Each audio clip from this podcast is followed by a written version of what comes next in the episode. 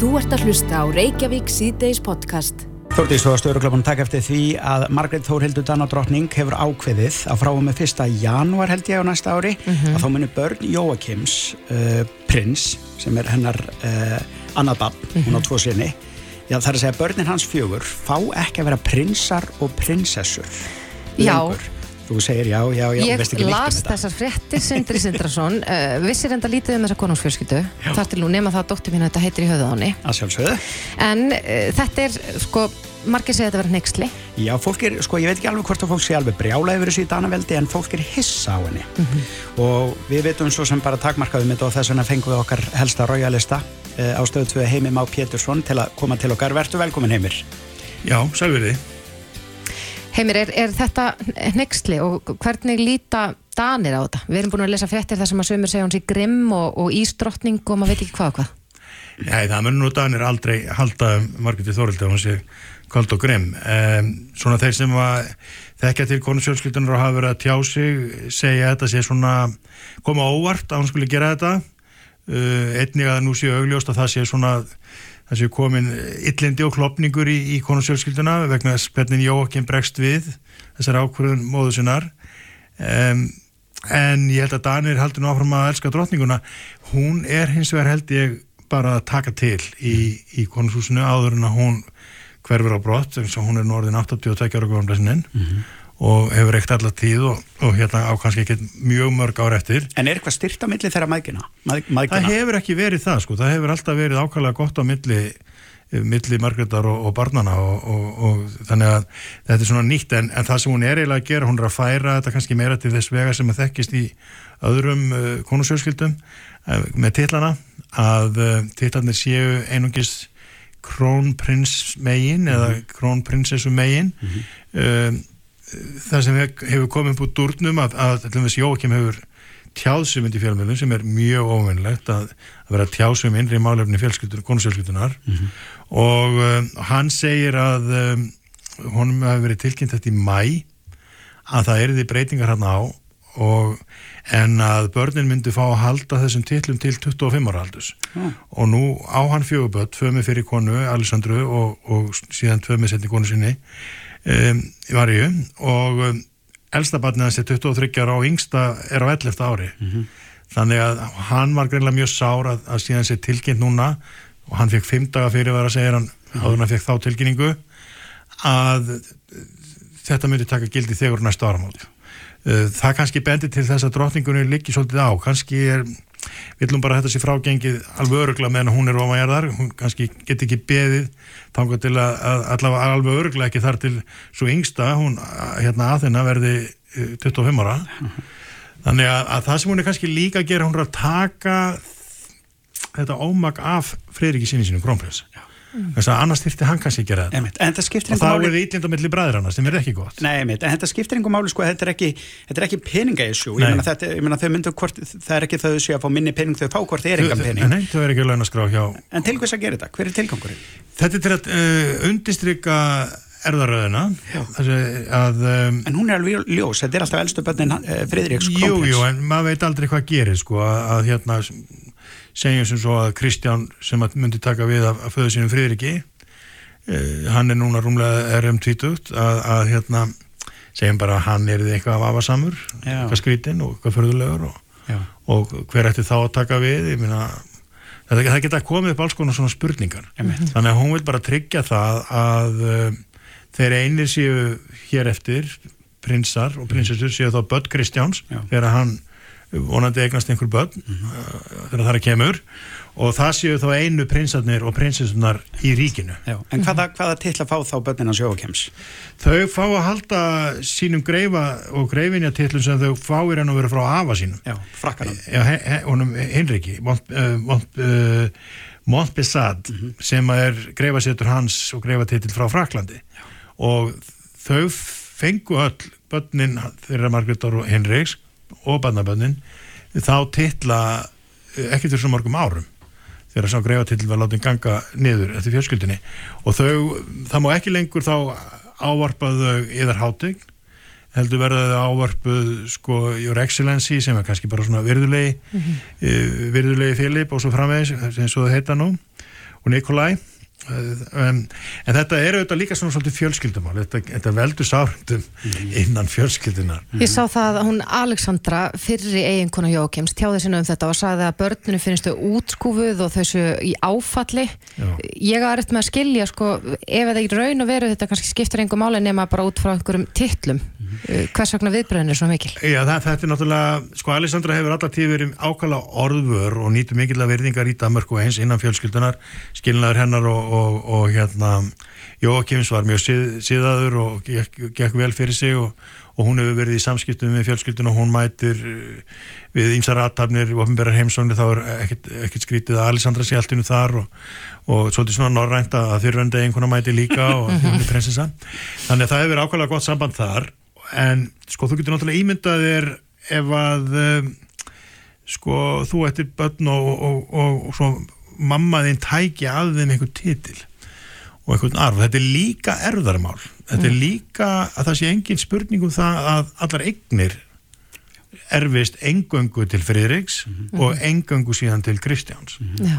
og, og það, það, það er líka inn í þessu erðarmál -hmm. og en ég held eins og ég sagði hann og drotningin er bara að taka þetta ómaka Fridriki, þau hugsa ykkur ef að Fridrik þyrti nú að gera þetta og, mm -hmm. og taka þetta að börnum bróðu síns mm -hmm. að þá er komið þar eitthvað svona óvildamelli bræðra mm -hmm. og, og batna þeirra Þannig að þetta er kannski bara mjög kurtislegt af henni Margreði Þóruldi Já, hún er bara svona að taka, taka á mómakið og taka á sig hérna af þessu mhm. og, og hún svaraði nú stuttlega fyrir þetta það er mjög sjálfgætt að drotningi sé ávörp og fréttamennum á leðinni inn í eitthvað hús eins og það gert í gær mhm. og þá voru leðinni nokkuð sapn og að við að það eða hvað hún var að gera þangað og, og er spurð út í þetta og hún var saðan svo mikið mikið hún sagðist ekkert að það heirti sínu fólki um viðbröð þeirra við þessu og, og hérna upp, sko, og sagði bara þetta er staði lengi til.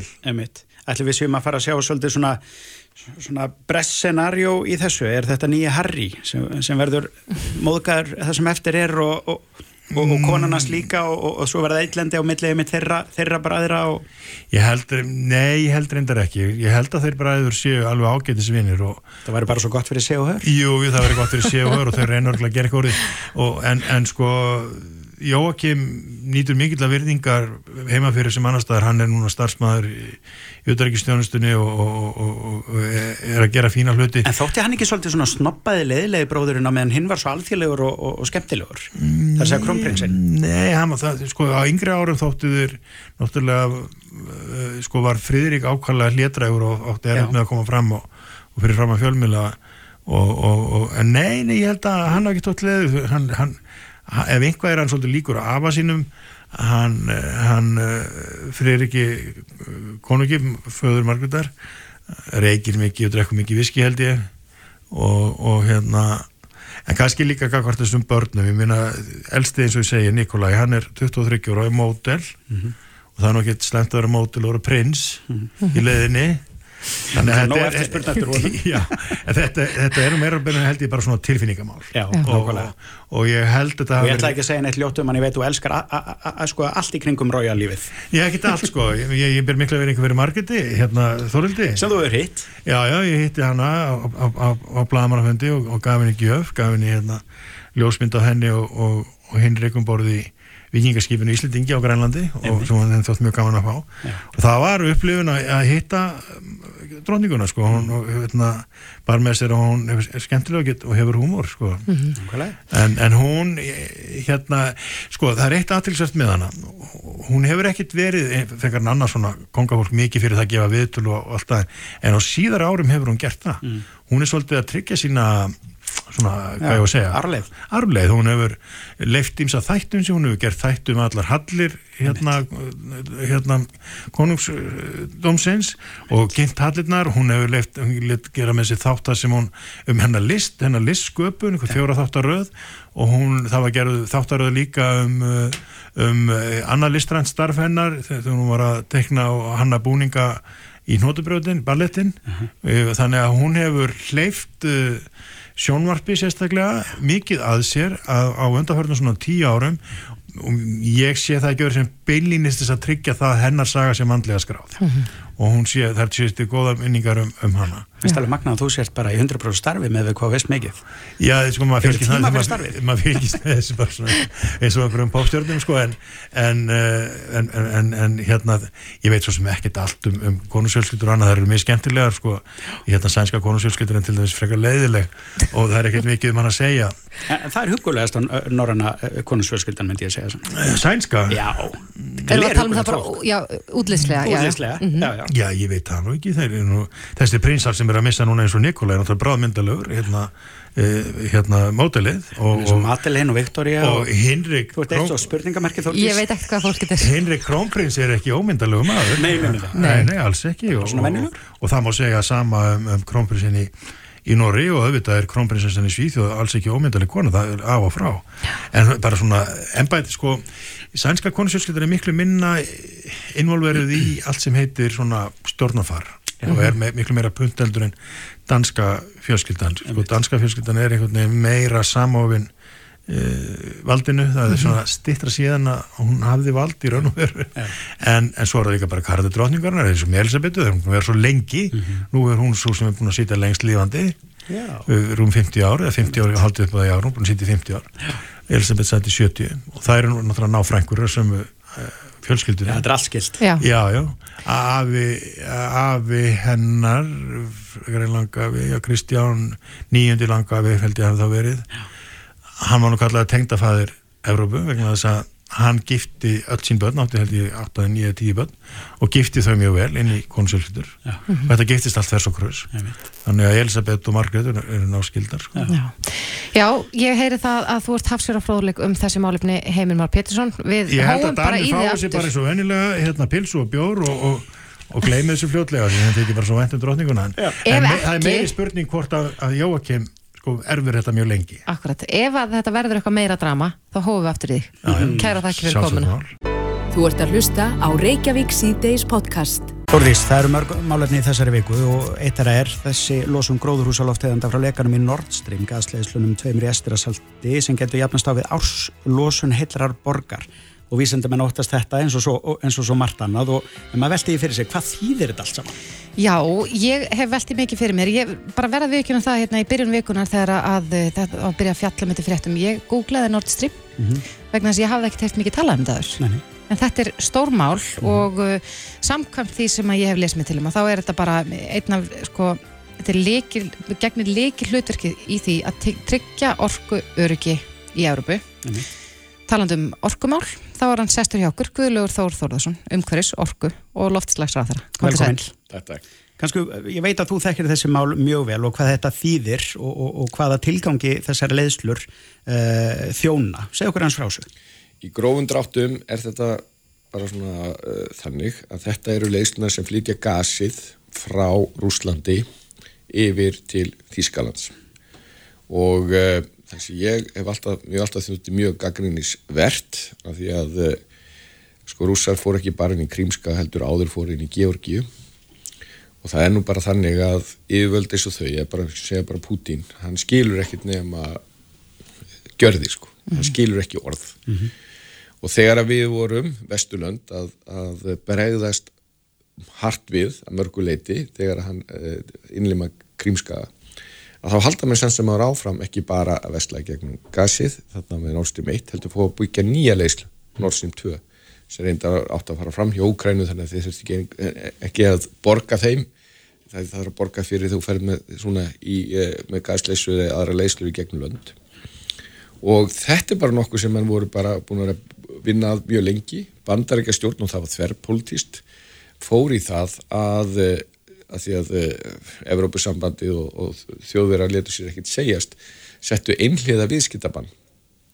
Það var bara það þannig að það fyrirtæki sem að koma Nord Stream 2 og það var, þetta var sérst, samstæðum þetta með báða flok, begja flokkar í bandaríkjónum að gæti ekki átt viðskipti við bandaríkin eða bandarísk fyrirtæki sem þýtti það að þetta stöðvæðist en síðan var því aflétt og menn voru bara að vinna þessu fullu þegar að, að rússar ráðast inn í, í Ukrænu og það sem gerist þá þegar það koma alvöru refsjaðgerðir að hálfu og viðskiptahindranir að hálfu vestuveldana að þá hækka tekjur Rússlands sem er náttúrulega alveg ó- ó- ótrúleg kaltæni er náttúrulega tilkomið vegna þess að leint og ljóst og með skipilumætti fórum inn í það að verða háðir Úslandi mm -hmm. um orku og ég hef aldrei fengið neina góða skýring á því og núna þegar að eh, þeir síðan ráðast inn að þá sem betur fyrr að því að við skum átt okkur því að hetjurnar í Úgrænu er ekki bara berjast fyrir sig, sína fjölskyldur, sitt land, þeir berjast fyrir okkur. Eins og þeir hafa marg bent á vegna að það er ekkert allir að skilja það.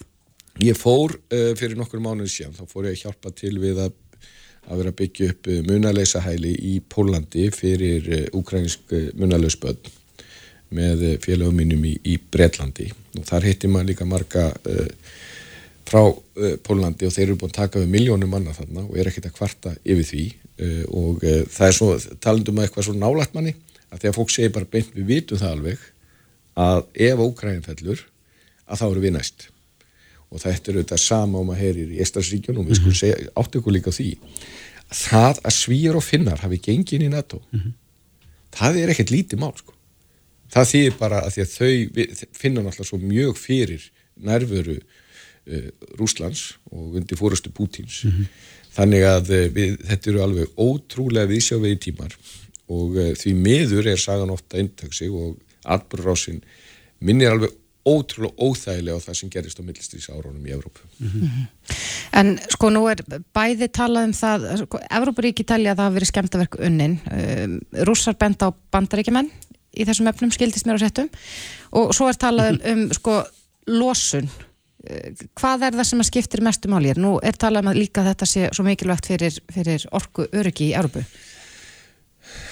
Já, hvað er það að byrja? Fyrsta lagi sko auðvitað var bætinn sem gerði það hver, það sér það hver maður, nei, menn, þetta er alveg galið og auðvitað bandar ekki mér ekki komið nála þessu uh, það sem að, uh, sko, fyrsta lagi held ég þessi nú, að því að hún er raunin ekki nótku, hún er bara fulla gasi en uh, það streymir ekki lengur gasi um hana vegna þess að þegar að Nord Stream 2 var ekki algjörlega kláruð þegar þeir áðast inn, mm -hmm. það er stoppað og síðan fara að gera sér minna á, á rúsum og rúsa fara síðan nota það er unni losa, loka á gasi til að gera Evrópumönnum erfitt fyrir þannig að þú getur sagt að hún sé ekki í notkun en það er samt sem áður, sko hún er fulla af gasi og þetta eru þetta skilabóð skilabóðin eru bara þessi, heyrðu, þetta er það sem við getum gert mm -hmm. Og við, við erum algjörlega meðvituð um það að því hefur ekki verið að hugsa um þessi orku öryggismál mm í langan tíma og eru bara mjög viðkvæm fyrir því En eru þeir ekki líka sparkið sjálfa sem að því að gera það?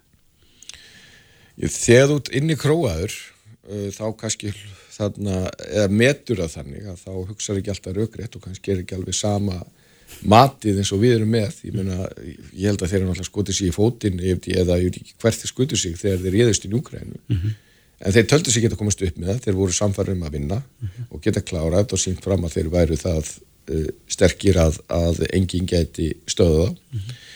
það gekk ekki eftir þetta er náttúrulega að þeir séu að fara þarna er náttúrulega stigmögnun í mjög hættulega átt og eina aflegging þessu eru þetta loftlagsmálun það eins og þú nefndir hérna áðan að bara þetta sé einn losun frá borg sko í heilt ár það er ekkert smá mál sko mm -hmm. og það er, og við sko átt okkur því að þeirra kemur að, að hlínun jarðar að uh, sá partu jarðakringla sem finnur hraðast fyrir því og mest fyrir því og mestaraflengar að það er norðu kvill þar sem við búum mm -hmm. En hvaða áhrif einmitt hefur þetta líka bara á einmitt sko af að þeir gera þetta náttúrulega af því að þeir vita hvernig þörfin er e, í vestur-Európu mm. e, hvaða áhrif mun þetta hafa og hvaða áhrif hefur þetta síðan á, á, á samskiptin? Ég meina samskiptin geta nú held ég ekki verið mikið verið sko. Já það geta alltaf aðeins versnað. Já en það er rauninni sko það lang alvarlegast í þessu öllu saman er það að Rúsland er með kjartnorkuvopn mm -hmm. að því rauninni held ég að það sé að ljósta þeir eru ekki að fara öllu óbreytt að vinna þetta stríð menn hafa sem betur fyrr uh, en þó menn að veri frekar seinir fyrir utan bretana og síðan kom bandarækjumann og Evrópmenninu sín eftir fóri það að stiðja Ókrænum en þannig það þeir gætu uh, varist og hafa rauninni líka sótt fram eins og, eins og við þekkjum mm. það sem að uh, þetta er utan mjög viðkvæm, viðkvæm staða og uh, það sem að rússar eru bara að segja, heyrðu ok, við erum ekkert að ná hérna Úkræn sem við heldum en við getum gert bara alls konar aðra, annan óskunda sko mm -hmm. sem kemur niður á okkur mm -hmm. og ekki gleyma því að við erum með kjartnorkuvopn og uh, það er rauninni skilabóðin sem, að, sem er eru óhugnaleg en, en Heldur á einhverjum tímapunkt ef að, ef að Putin verður komin svo, svo í vegg að hann sjá ekkert annað að gera en að nota kjarnorkuvapn heldur að myndi gera það? Það sem maður náttúrulega er að vona er þetta því að hann er nú ekki eitt þarna í þessu ríki og svo sannlega er það ekki þannig að hann sé sko án, getur þess allt valda kliku kringu sig mm -hmm. að slíkt myndi hafa svo hræðilegar aflengar í förmið sér mm -hmm. að uh, það er engi sigurver út því. Nei, en það er svona spurning hvort hann hugsi þannig. Ég ætla ekki að bóka, skilju, gefa þarna ég mér bara voði sko vona að það kom bara alls ekki til þess mm.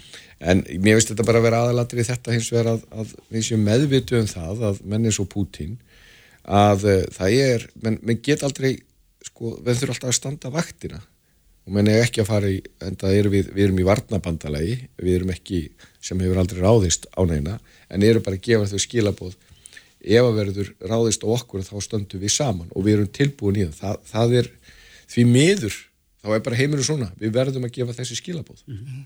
En er, er þetta þá, já, sá tímapunktur fyrir okkur að við áttum á gráði hversu mikilvægt það er að verið þessu varnabandalagi þurfum við að bregðast við með einhverjum hætti hér á Íslandi? Við sem betur fyrir að þá og, eh, þegar að eh, þegar ég kemur í ytterriksvandi þá er ekki eins og í varnamálskristof og það var eitt af fyrsta sem ég gerði verið endur ekki hana, við góðum ekki að örug samskipti við bandamenn okkar frá Reykjavík. Og ég breytti því þannig að kom herbyggi þannig að við gáttum átt samskiptið það. Og ég er ekki að segja set allt saman fyrir, ég er bara það er bara augljóst að ríki alveg sem verður að hafa þessa hluti á hreinu. Og við erum alltaf stórjökum framlóð okkar til varnamála og, og eh, byggðum upp semst og farið í uppbyggingu á, á varnarsvæðinu sérstaklega en svo sem líka á þessum innviðu út um, út um landi og sem betur verð erum við löngu byrjuð þessa vekkferð mm -hmm.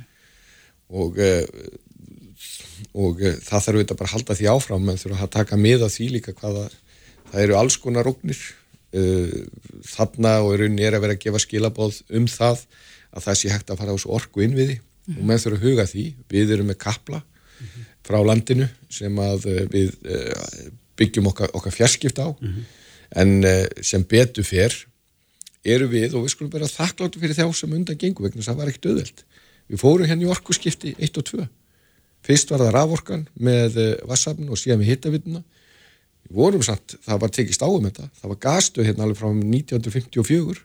Gasstöðinni á hlemmi heiti gasstöð því að var gasstöð. Mm -hmm. Þetta er bara íbúarhúsi stöðastjórun sem er hérna. Mm -hmm. Væri staðan svo sama hér og í Evrópu, jafnvel verri, ef, að, ef að við hefðum ekki farið í gegnum eh, all, þessi orkuskipti? Já, við værum og okkar, sko, nú erum við að tala um öryggismál sem er alveg mhm. gríðarlega mikið mál að því að við erum, við erum eiga og við munum ekki, það mun ekki breytast við erum í norður Allandshafi, við erum háð uh, samgöngum sjó og, og, uh, og flugi uh, og við erum ekki með neina jarðefna elsneiti sko á eigun okkar mm -hmm.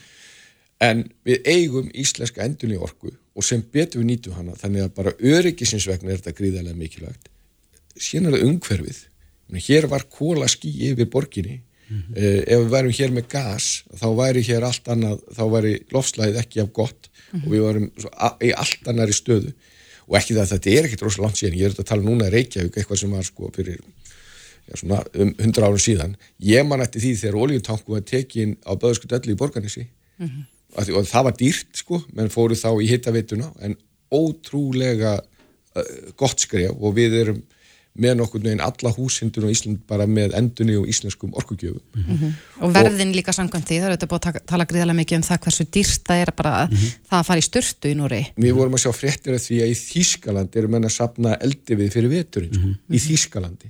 Þannig að, eh, að, að það er bara þegar að, að orkugjöfum fyrir upp eins og neð þá kemur sérstaklega niður á þeim sem, sem minnst hafa. Mhm. Og svo getur líka að hugsa það því að gott að hugsa um ef við varum búum orkuskipti þá erum við enn, enn betri málum en uh, okkar afkoma og okkar velgengni í efnaðarslífinu, okkar velgengni svo sannlega það, sem við stöndum fremst í varandi umhverfismálinn mm -hmm. er tilkom út af þessum fyrri orkusskiptum. Gleimist nefnilega alveg ótrúlega oft þegar umræðan fer að stað og menn sé alltaf tilbúin að tala um hvað hva, hva hlutirnir eru hraðilegirinn á Íslandi, hvað við höfum það helviti gott sko, svo er náttúrulega bara góða íslensku, en hvernig sér þeim þetta fyrir þeirri veturinn eins og bara í Evrópu? Þetta verður örgulega töf. Ég er miklar ágjörði. Það hefur aldrei neitt komið út gott út úr því að uh, þegar að uh, orka fer upp og matvæleverð mm -hmm. ég, ég held að það aldrei finnir engin góð dæmi í mannkynnsjónu um það mm -hmm. Uh, auðvitað vonum við þið besta og ég menna alla þjóðir er að breyðast við þessu að því að sko, það, það gerir svo margt. Eitt í það að fyrst horfum maður kannski á heimilin bara, sér bara hvað uh, reikningarnir hækka.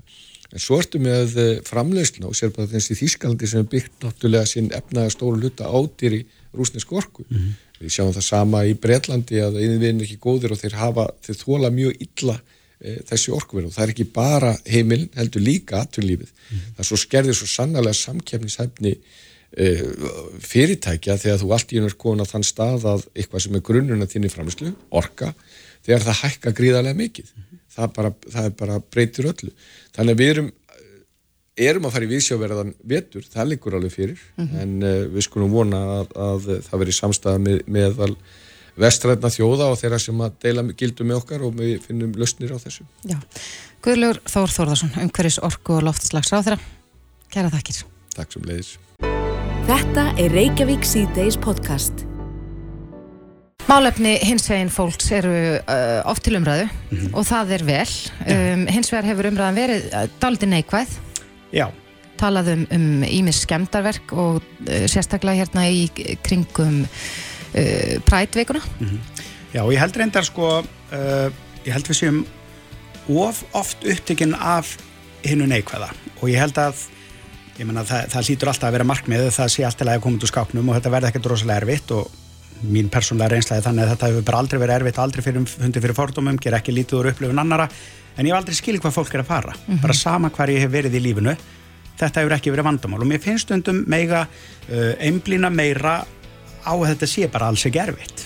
Þú, þú vilt ekki hræða þá sem er inn í skápnum og, og þóri ekki út. Nei. og uh, það er einn talsmaður þarna úti sem er algjörlega briljant og hann heitir Svein Samstedt. Hann er íþróttafræðingur og, og fræðari hjá samtökunum. Velkomin Já, takk fyrir það Þetta er rétt hjá mér, allt sem ég sagði það ekki. Sko, ég er alveg sammála að, þú veist, umræðin er oftar, kannski, oftar en ekki neikvæðir í kantinum mm -hmm. og þú veist, þó svo ég hafi sjálfur kannski ykkt í maður ásvið fordómum, bæðið sem yttkant og þjálfari, þá það kannski bara lítil prósend af því sem ég uppli. Mm -hmm. Því oftar en ekki var alveg ótrúlega mikil stuðningur, þú veist, mínir þjálfarar síndi mér aldrei fordóma og heldur bara stuðning. Á öllum íþróttaferlinum? Á öllum íþróttaferlinum og ég byrjaði að íþróttir árið 97 og ég ennþá það í dag. Hvaða íþróttir voru þetta? Um, ég var í fókbólta, tennis, sundi, ég pröfa allt, ég var lítill mm -hmm. uh, en ég var fyrst og sem sjálfsýttamæður mm -hmm. var í þeim heim í 21 ár og ég er ennþá í dag sem þjálfari okay.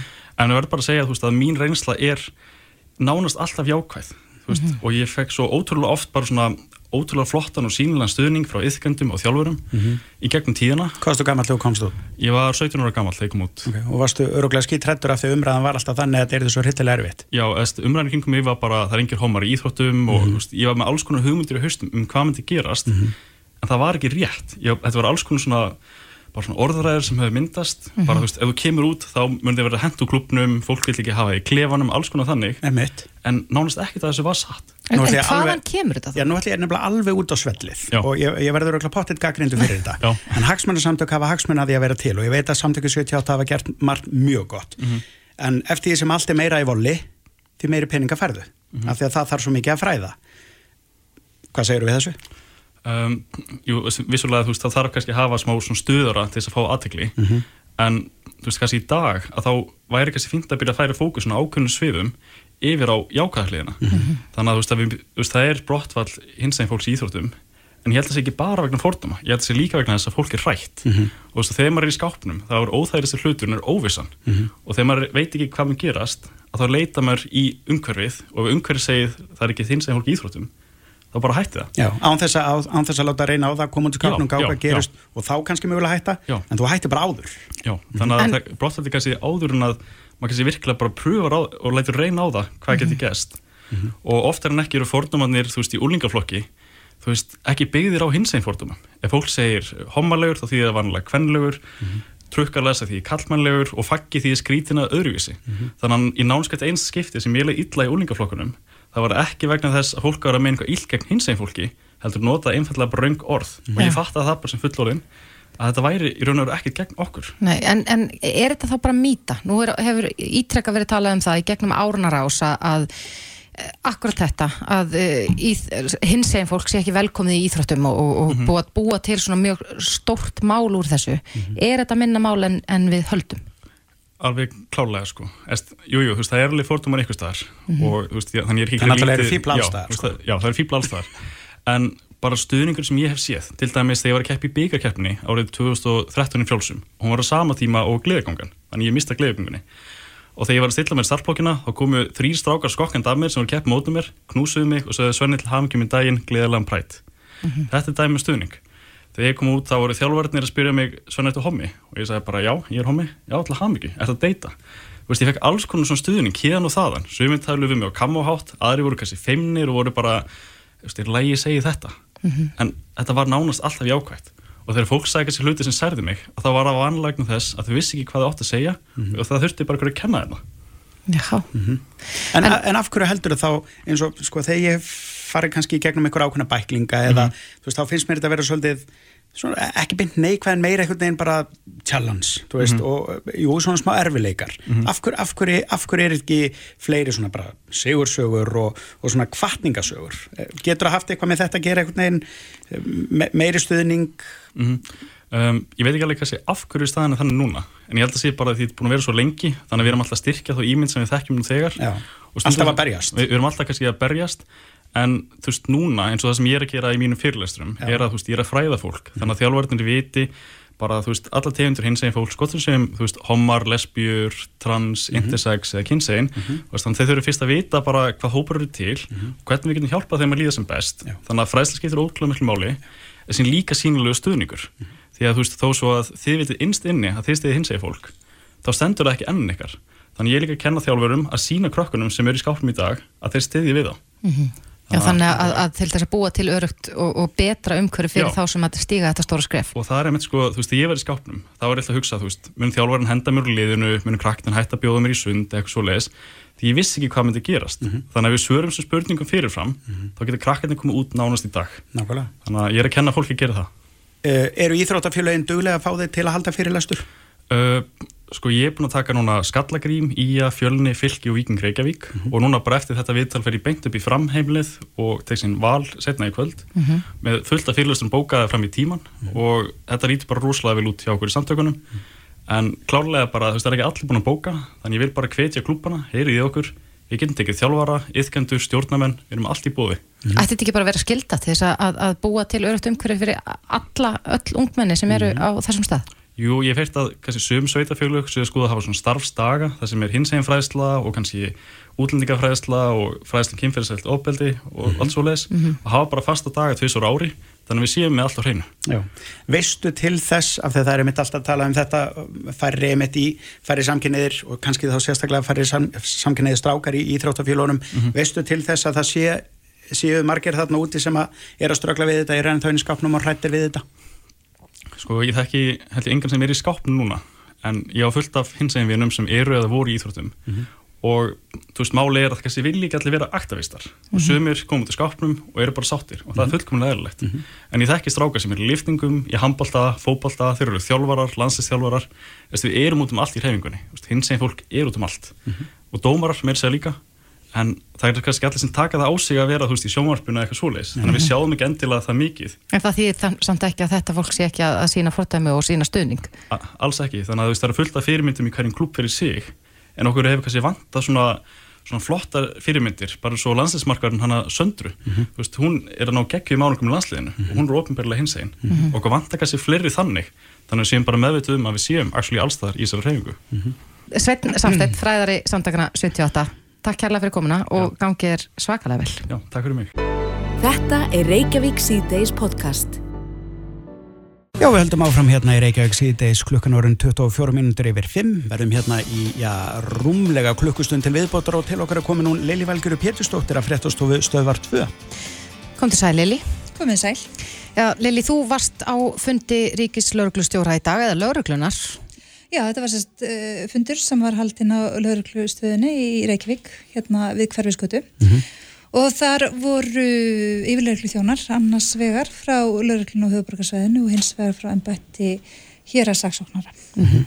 Það kom fram á þessum fundi að Ríkis lauruglustjóri hefur sagt sig frá málinu vegna mögulegra fjölskyldu tengsla. Já, vegna mögulegs vanhafis í málinu að einhver fjölskyldu tengsliðu þar við einhvern sem tengis málinu. Og veistu hver tengslinn eru? Við höfum fengið ábendingar um hver tengslinn eru, við höfum eins og ekki fengið að staðfest, þannig að við erum ekki tilbúin að fara með það út, en erum að reyna að fá það staðfest um hver ræður og hver tengslinn séu, en á þessar stundu hefur það ekki verið staðfest. Og Sigriði Björk Ríkislörgustjóri hefur ekki svarað símtölum frá okkur til að við viljum helst frá, frá henni hver mhm. tengslinn eru. Akkurat. En það var ýmislegt annað sem kom fram á þessum fundi, þið fenguð meðal annars að sjá þessi vopn sem haldlögð voru sem og þrývítar prentaran sem notaður var til þess að prenta þessa íhluti. Eh, er þetta mikið magna vopnum? Sko við sáum sérst, fjögur vopn sem voru sínt þarna. Það voru tvær svona sálgjara skambisur sem voru þrývítar prentaðar litu bara fyrir mig sem er leikmann bara út eins og önnur vopn. Ég sá ekki mikið mun önnur bissa var þannig að maður hefði kannski getað geta sér til maður. Um mm -hmm. Ekki hérna, svo voru tveir riflar þarna, töluðvert magna skotum og svo eitt prentari. Ég held að allir geti verið samlega um það að það er mjög óeðlilegt að, að ja, framleiða svona vopn og maður náttúrulega gerir sér náttúrulega enga veginn grein fyrir hvað menn voru að hugsa en það getur ekki hafi verið neitt gott. Það er aðeins búið að vera gaggrína það að menn hafi talað um að þarna hafi verið Uh, já, menn hafi verið að plana hriðjuverk, en hver var svona þín tilfinning þegar þú varst á staðnum? Tala menn ennþá um þetta eða, eða, eða eh, tala menn um þetta í dag sem annars konar árás? Nei, menn tala ennþá um það að þarna hafi verið einhvers konar skipulag á hriðjuverka árás. Mm -hmm.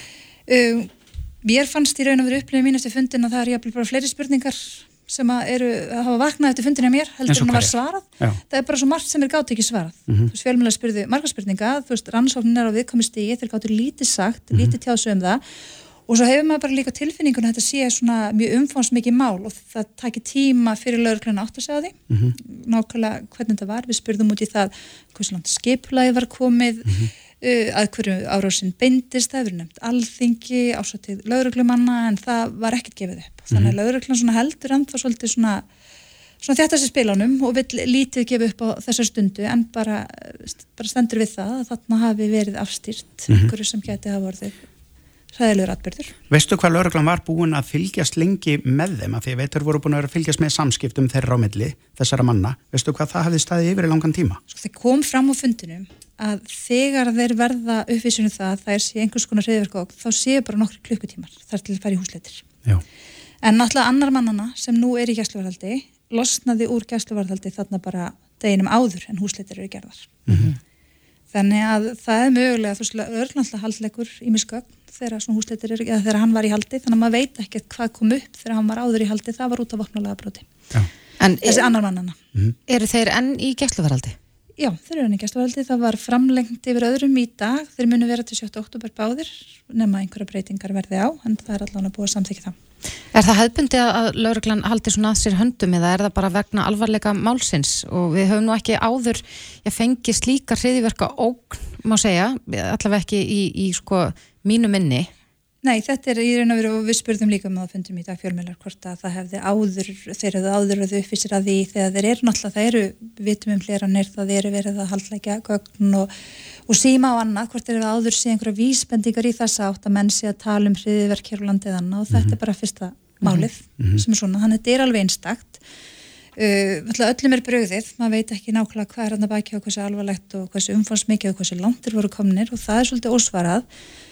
og það svona varandi það lögurreglan er hefur alltaf bara svona valið sína leið það er bara ákveðinu upplýsingar sem á deilir þeir hafa yfirhirt marga eru anþá að samna gögnum mm -hmm.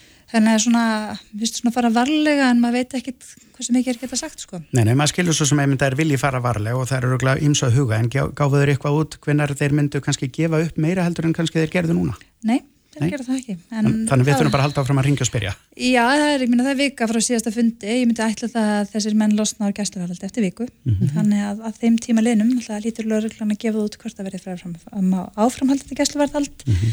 eða hvort þið sleppum og þá þurfum við náttúrulega kannski að skýra það, en svona getur náttúrulega bara eitthvað komið upp í rannsókninni sem að þeir telja þess virði að kalla búða til fundar mm -hmm. og upplýsa fólkum og það er náttúrulega þannig, þeir hafa, þú veist, þjóðurauðrikisráð þeir eru rætt um þetta, okkur skilst að einhverjur á alþingi hafi fengið einhvers konar upplýsingar um þetta þannig að þetta, er einhverjur sem að, þeir hafa verið að ræða fólk og, og greina frá einhverju en, þarna, en, en þá allavega haldið svolítið þetta spilunum og maður á erfitt með að átta sig á nákvæmlega hvað var í gangi. Já, og ég held meiri segir haldið svo sko þetta sem spilunum vegna að ég tala við lauruglumenn uh, bara hérna út á götu þegar, þegar man, man, man langar svo að vita meira og þeir segja mitt sjálfur sko við vitum oftast bara það sem við erum að heyra í fjölmilum þannig að aftur, öruglega eðlega er þetta það viðkvæmt og, og að, þeir þurfa að halda það sér höndum en, en, en maður eh, allavega vil fá að vita meira já, fyrir en setna Ég hefði viljað fá að vita meira á þessu fundi. Já. en það kemur sagt öruglega eitthvað fram í, í kvöldfyrirtum stöðu 2 sem þú ert kannski ekki endilega akkurat að fara með hérna núna þú ert að vinna máli við rifum Já. þig hérna út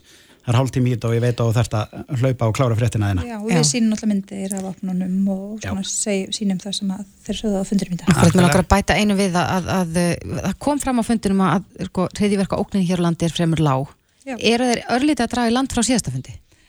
Nei, bara almennt hún frekar lítil, að þú veist það er svona áherslu að það, fólk svona upplifið það ekki að það sé einhverju hættu og maður upplifið það líka á síðasta blaðamannafundi að þeim var mjög andum að það væri svona búið að afstýra þessu. Já, Og skapa þeir- ekki glundur og Já, og þeir menn sem að hefðu verið að skipulegja þetta, þeir væru í haldi og það er svona ennþá mjög óljóst því það hefur talað um hvort þeir tengist einhverjum öfgasamtökum, hægri öfgasamtökum úti. Út í útlöndum, uh, það er svona líka eitthvað loðað þeir séu að skoða það hverjar fyrirmyndirnar séu og þetta er allt bara svona, og svo svona voru mitt varandi játningar, það verðast einhvers konar játningar vera komnar fram um eitthvað en hvað nákvæmlega, þetta er allt svona En þessi, sko, þessi litla upplýsingagjöf, eh, gefur hún þá almenningi ekki bara tækifæra á því að, að vera að spinna upp eitthvað verra?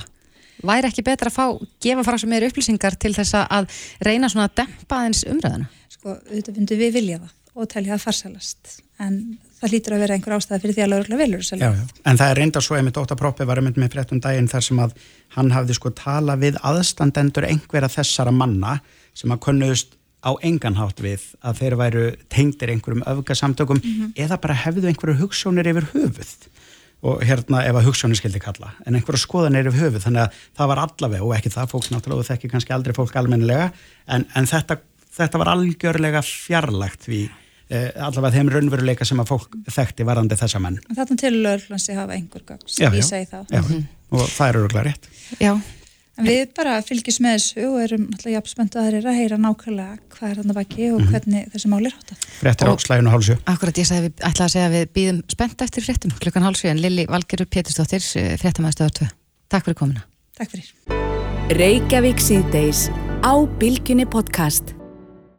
Enn og aftur er komin 50 dagur og það þýðir bara eitt að eh, við ætlum að fara í fastegna fréttir með Páli Pálssoni fastegnasala sem er sestur hjá okkur. Velkomin Takk fyrir mig. Páli, í dag ætlum við að eh, ræða fastegnir sem fjárfestingu. Ég veit það.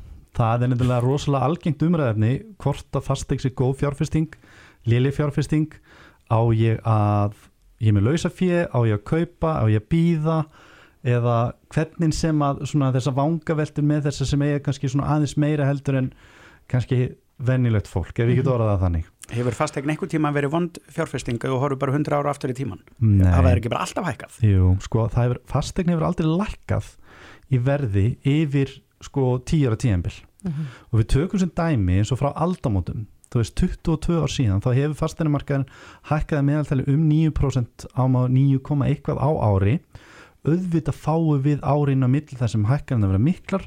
Svo verður stöðuleiki, til dæmis eins og við erum að horfa núna búið að vera rosalega hækkaðin frá 2020 svo sjáum við fram á næstu tvö árin verða svona róleg. Svo mögulega sjáum við fram á aftur einhverja hækkun eftir það.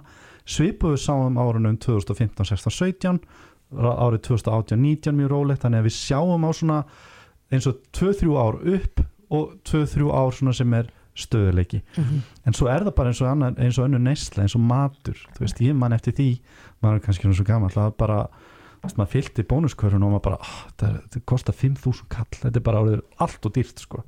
Þú veist, þannig að hérna þannig að svo hækkar þetta bara í takti við annað eins og laun, eins og matur eins og fastegnur og svo framvegis.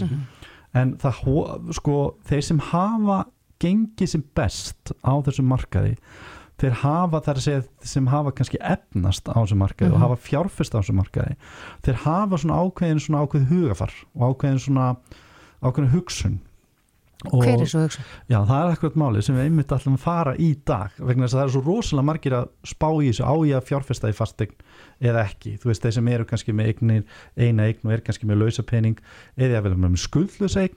Ég fekk spurningu til í síðustu viku frá aðali sem að á ég að taka lán út af mína til að kaupa aðra eign til að byggja mig upp fasteinarsatn og svo framvegis Mhm. það er rosalega margir í þessari þessu pælingum, get orðað þannig Mhm. En svo eru þessar pælingar líka á hinbóin mjög gagnrindar. mm. Það var náttúrulega langt síðan að kjarnin gerði úttækt á, á húsnæðismarkanum og það voru fjölmargir eh, sem að eiga fleiri en tvær eignir, jafnvel Einmitt. fleiri en fimm eignir og, og þá koma þau rauka að þetta er það sem keirir upp uh, leiguverð. Mm Sko það er um 18% af fólki 17-18% af fólki er á leigumarkaði. Mhm. og það hefur alltaf verið svona 15-20% af fólki. Og auðvitað hefur þessi umræða búin að vera síðan ég mann eftir mér. Uh, flestir leigusalar sem ég þekki eru ekki endilega að leia sem hæðst og þau geta, eða sem, sem mestu þau geta Er það ekki? Nei, flestir Af sem ég þekki þeir reyna að leia svona sangjant þannig að þú tryggir það alltaf að þú fáir góða umgengni, nummer eitt og nummer tvö að eignin getur staðið undir sér og nummer þrjú að þú fáir alltaf borgað Hva, að meðaltali, 100 fermetra íbúð þetta ferða eftir hverfinu Mhm. en svona að meðaltali, hvað, hvað er verið að leia 100 fermetra á? Fer eftir hvort það sé þryggja fjara herbygg íbúð en til dæmis þryggja herbygg íbúð í dag sem sagt með tveimur sefnirbyggjum Mhm. er mjög algeng svona 250 til 280 skalli leigu. Brjálagslega mikið. Ég veit það. Þó, og þú veist og það er svona þá er ég að tala um svona nokkuð miðsvæðis Mhm. um, auðvitað ferða aðeins dýrar eftir því sem eignin er starri og svo framvegis og fjöldi herbyggja. En það er rétt, þetta er dýrt. Það er bara þannig. Og þetta er ofta tíðum fólk sem er að leia fyrir þennan penning það fær kannski ekki hérna lán í, í banka þrátt fyrir Mhm. að vera að borga þetta og þrátt fyrir að myndi ef það fengi síðan þetta lán þá verður það að borga eh, læri ég upphæð. það, það er líka önnur umræða. það, og það sko er umræða sem er það er allir samanlösu að þetta Einmitt. sé skrítið og að bankin horfi ekki mögulega á viðskiptasöguna þína. Einmitt, en samt er þetta þetta no. bara computer says no svo þetta er, er alltaf svona. Er það ekki skrítið? Ég veit það, og þú kannski búin að sapna þig fyrir kannski 15% útborgun eða eitthvað svo leiðis en nærði ekki greiðslumat, en er þetta kannski greiða herri leiguverð heldur en afborgun á lánunu væri pínu óþólandi og þetta er náttúrulega ákveðin vítarhingur þá sem að fólk sem er á leigumarkaði lendir í. Já, algjörlega, vegna þess að hinga til hefur leigumarkaðinu verið frekar óstöður uh, leigjandi getur ákveðið með mjög skömmum fyrir var alltaf bara að selja. Þú ert stattur aftur út úr gutin, það reyndar að hafa verið að poppa upp svona leigufélög sem hafa verið að horfa á leigu til lengri tíma. Mhm. en vissulega er þessi umræð og hefur verið mjög lengi að en sem betur fyrir flestir af þeir leigusölu sem ég þekki og ég er ekki að tala um nærði alla Mhm. og ég ráðleg alltaf að fólki sem er að leigja út að verður bara sangjan í leigunni ekki reyna að fara of, of hátt vegna þess að það er rosa mikils virði að hafa leigjenda sem greiðir alltaf og gengur vel um líka. Vegna þess að aðal kvatin fyrir flesta er kannski ekki að ná góðri álægningu eða sem sagt, pró, sem sagt ávöxtun heldur er fyrst og fremst hugsunin að ná einhvers konar verðhækkun og veðja þá frekar á verðhækkun og fastegn að menn hagnist þar frekar heldur en á leigutekun frá mánuð til mánuðaras vegna þess að eitt af því hugafari sem að þessir aðilar sem er að kaupa eignir og leiðar út að þeir vilja ekki skulda mikið meina kannski 60 hámarki 70% en þeir vilja heldur ekki skulda minna en 50-60% og til dæmis eins og þekki til dæmis einn aðila. Fættur árið 1997 ungu strákur. Kaupir sína fyrstu íbúð uh, 2000, 2017 kaupir sína fyrstu eign þá og muniði að íbúð sem kostar 60 miljónur í dag kostaði 33 miljónur þá. Hann tekur 80% lána þeim tíma treystir á hækkun. Leiðum var komið undir ákveð veðhlutal þá tekur hann að endur fjármagna þá íbúð og kaupir síðan næstu íbúð og ég veit að í þessum töluð orðum er hann að kaupa sínu fjórðu eign og hann hefur gert þetta meira og minna með skóla En, en þá kemur maður svolítið að því að, að núna undanfarn ár hefur við verið að sjá gríðarlega mikla hækkun á fastegnumarkaði. Mm. Nú er kannski útlitt fyrir að það sé aðeins búið að kólna. einmitt Þannig að kannski er þetta ekki rétti tíminn til þess að, að skella sér í svona brask. það fer það þá ekki hvort er Mhm. eftir því hvað allar að eiga hana lengi ef Jú. næðu horfið til tíu ára þá með líka hvað sagan segir? Já, það er líka akkurat punkturinn. Allir þessar aðalega sem eru að kaupa fastegn inn á markaðinum til þess að leiða út eru að horfa 5-10 ára. Það er engin að horfa til að kaupa núna og selja síðan aftur eftir eitt ár. Þannig að það er alveg rétt hjá þér. Það eru, það eru mjög fáir. Ég held að Íslandsbanki spáir 1% hækkun á þessu ári. Uh, Arjón 4-5% landsbankin er eindir aðeins að spá 7-8% hækkun á næsta ári. En, en hérna en, uh, en þá ertu kannski með eign í hendi sem kannski verður tilbúin á markaðinum fyrir að mögulegar hækkanir og þetta vitum við aldrei en ástæðin fyrir því að það er kannski mín skoðun og munið það er skoðun en ekki staðrind að núna erum við gangin í 2023-2024 sem verður svona stöðurleiki 2025-2026 alla þar lóðar útlutanir sem er eiga sér stað núna og næsta ári þetta eru íbúðir, nýbyggingar íbúðir sem farin að markað á þessum tíma 2025-2026 og það er mjög líklegt að fermetraverðið þar á þeim nýbyggingum verði eitthvað starf á bílunum miljón til 1500.000 þannig að þú kannski þarf að býða í eitt ár, tvö ár til þess að ná kannski sveiflunni sem verður þá næstu hækkun.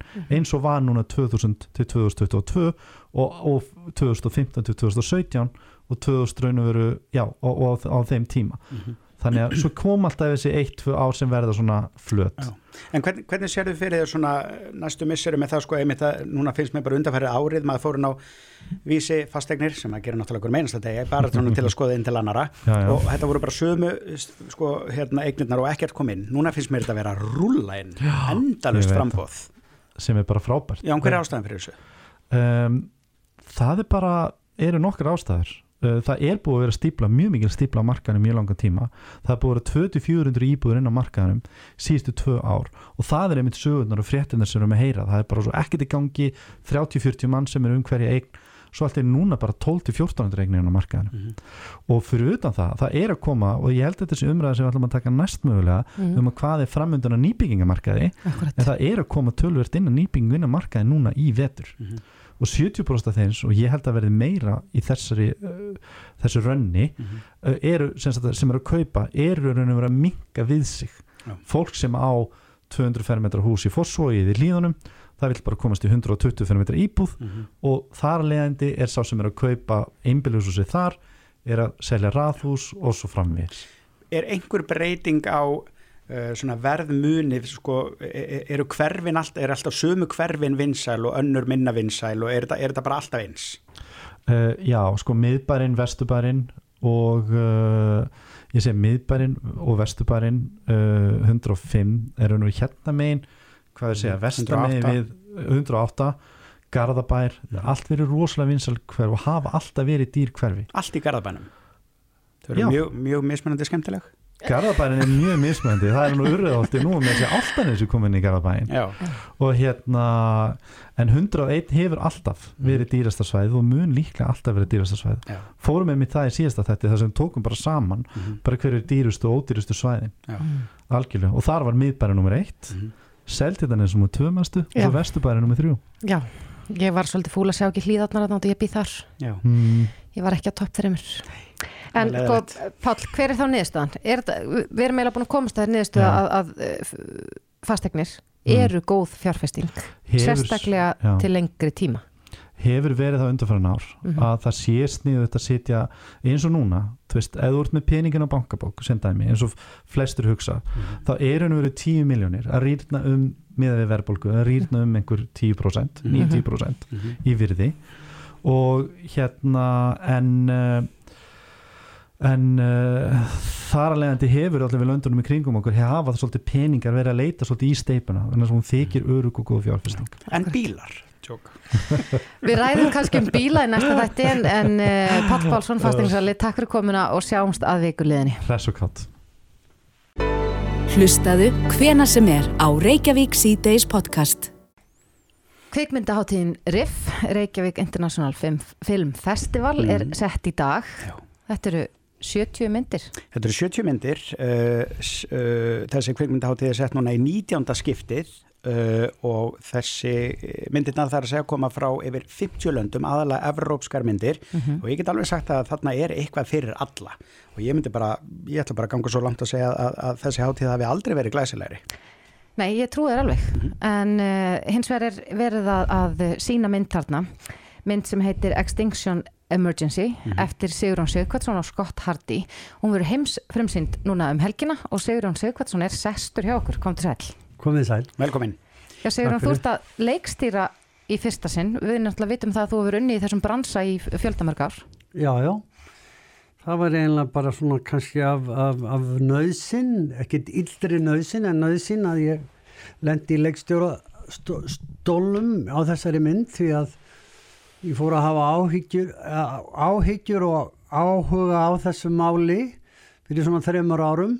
Og var þá í bandaríkjunum en sá það að það var ekki bara Amerikanar voru nú ekki búin að kveitja þessari reyfingu sem að myndin fjallar um, hún fjallar annars vegar um lofslagsvána og, og lofslagsvandan en ekki síður um þessa reyfingu sem stopnum var í Breitlandi april 2018 og breyti síðan út, út um allan heim.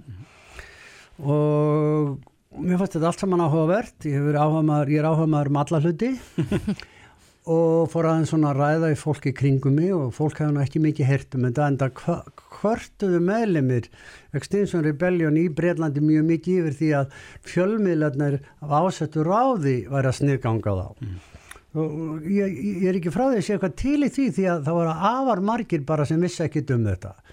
Svo fór ég að reyna að fá fólk til þess að hafa áhugað komið þetta með mér og það bara var ekki mikið. Og ég sagði mér þetta er mikilvægt mál, þetta er svolítið áhugaverð hreyfing Þannig að ég bara fer þá bara í þetta sjálfur. Já, og þetta er bíómyndi fullir lengti eða hvað? Já. Já. En segð okkur eins, sko, ég viðkynna það að ég hafði ekki heyrt um Extinction Rebellion. Þannig að það er kannski rétt sem hún segir að þessu hefur verið haldið frá okkur. Segð okkur eins frá, frá þessum uh, samtökum.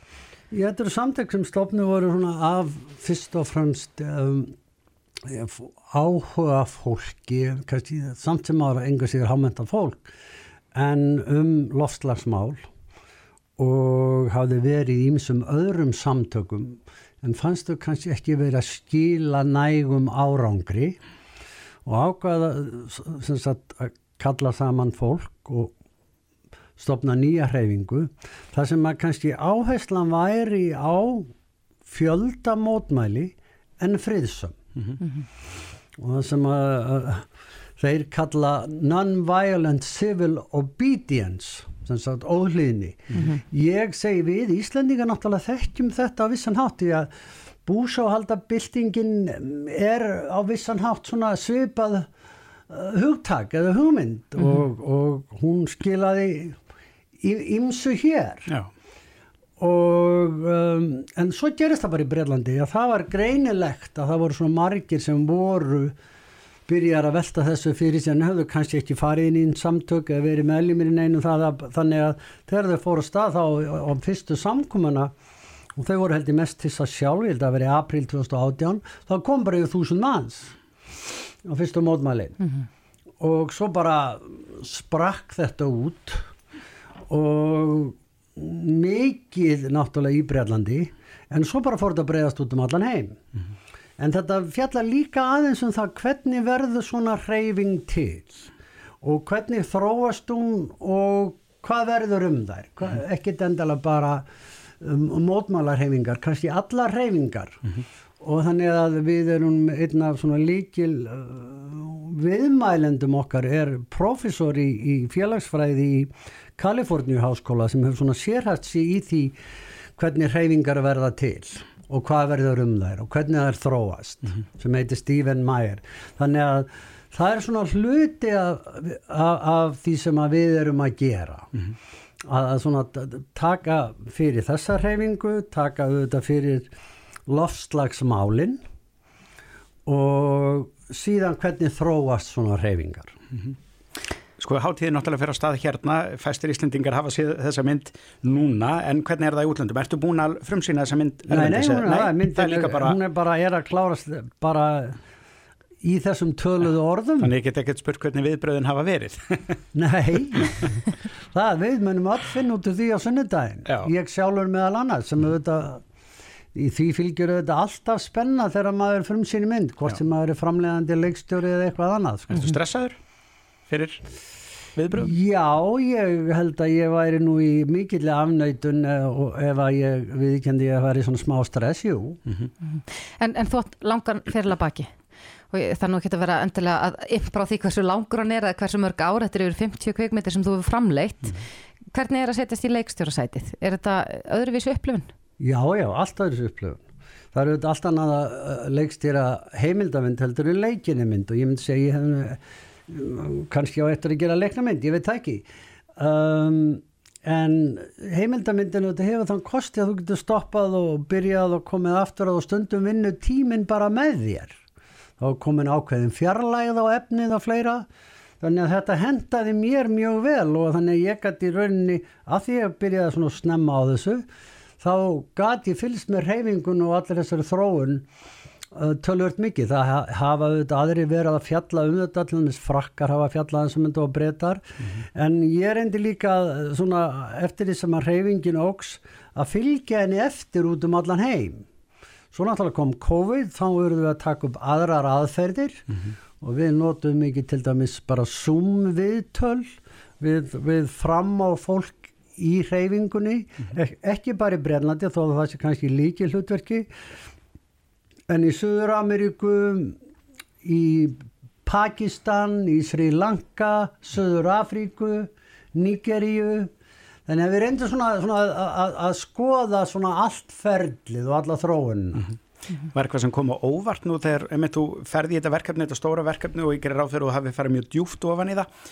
Hugsaður þú svona þegar þú ert að klára þetta bara, hm, þetta var náttúrulega öðruvísi heldur en ég held að er því. Sko, þetta er erfið spurning sindir vegna að þú fer að staði verkefni, veist aldrei hvert, þetta, þetta er alltaf sko óvissuferðir, hver einasta bíómynd, alveg sama hvað hver segir. En ég myndi segja að það sem að var áhugaverðast fyrir mig var rauninni fylgjast með hvað var mikill áhugi á loftlagsmálum í heil. Hvort sem að loft, loftlagsvá eða bara öll þessi þróun sem er að gerast og það fannst mér eiginlega aðteglisverðast og, og kannski er það rétt hjá þeim í Extinction Rebellion í Breitlandi að svona almennir fjölmiðlar hafa viljað forðast þetta og ekki kannski setja þetta fram sem já, vísindalega sannað að við mannskepnan séum að, að stöðla mikið að hlínun jarðar. Heldur meira þá bara eins og áráður? Já, þeir vilja, þeir vilja meina að fjölmiðlar segja að þeir séu áráðs fólk. En þú hefur lengi sko beittir fyrir umhverfisvernd, hvernig, hvernig lítur á stöðuna? Eh, Nú hefur verið talað um, um neyðar ástand í loftslagsmálum og, og það var nú bara síðast talað um þetta inn á þingi í dag. Ertu bjart sín fyrir framhaldinu?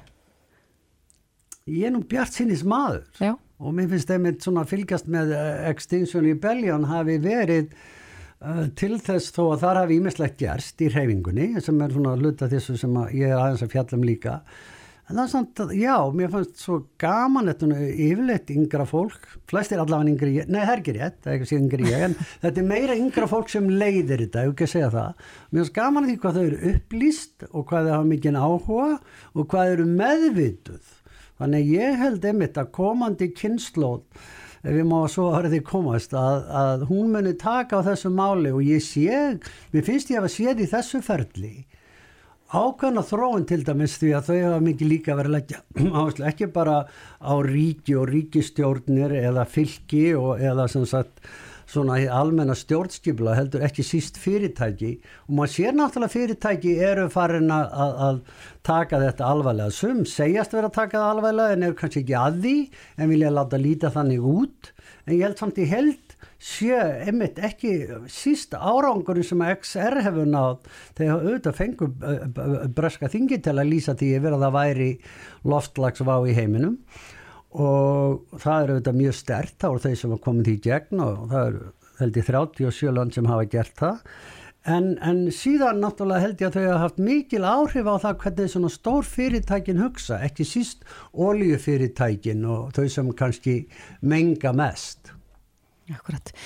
Myndin er frumsýnd á sunnudaginn, Já, heims Við vonum að viðtökurna verði góðar. Sigurðan Sigvardsson, kæra þakki fyrir komina. Reykjavík síðdeis á bylgjunni.